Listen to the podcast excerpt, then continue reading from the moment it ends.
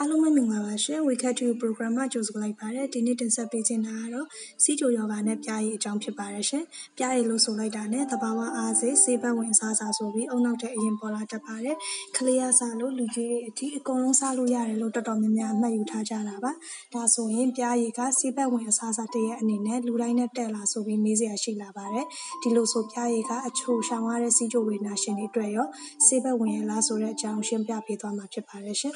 စီးကြိုသမားတွေအနေနဲ့ပြားရည်ကိုတကြားနေရာမှာ အစားထိုး အသုံးပြုလိုက်လို့ ကျန်းမာရေးအတွက် အကျိုးကျေးဇူးတွေထိုးပြီး ရရှိသွားမှာ မဟုတ်ပါဘူး။ပြားရည်ဟာလည်းတကြားနည်းတူ သွေးတွင်းတကြားတက်ပမာဏအပေါ်မှာတက်ရောက်မှု ရှိပါတယ်။တကယ်တော့ပြားရည်ကတကြားထက် ချိုပါတယ်။ဒါကြောင့်တဲ့အနေနဲ့ပြားရည်ကိုတကြားနေရာမှာ အစားထိုး အသုံးပြုမယ်ဆိုရင်တော့ ပမာဏခက်နေနဲ့ပဲ အသုံးပြုရမှာ ဖြစ်ပါတယ်။ဒါပေမဲ့ နောက်တစ်ချက်အနေနဲ့ကတော့ပြားရည်ကတကြားထက် ကာဗွန်ဟိုက်ဒရိတ်နဲ့ ကယ်လိုရီ ပါဝင်မှု များတာပါ။တကယ်လို့စီးကျူရှိသူတယောက်အနေနဲ့ပြားရည်ကို ကြိုက်နှစ်သက်သက်ဆိုရင်တော့စီးကျူကောင်းနေတဲ့အချိန်မှာ နည်းနည်းပါးပါးစားလို့ရပါတယ်။တကြားနဲ့ပြားရည်ဘာတွေကွာလဲဆိုတော့ပြားရည်နဲ့တကြားကအချိုးထဲရတာချင်းတူပေမဲ့အာဟာရတန်ဖိုးချင်းတော့ကွာခြားပါတယ်။။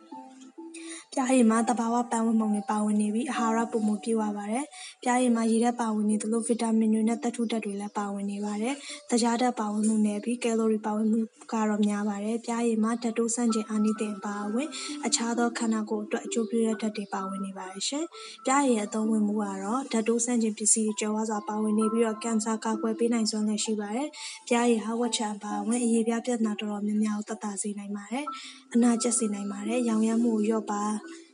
သက်သာစေနိုင်ပါတယ်။အသားအရည်ကိုအဆိုးဓာတ်ထိန်းပေးပါတယ်။ဘက်တီးရီးယားတွေကိုလည်းသေစေနိုင်ပါတယ်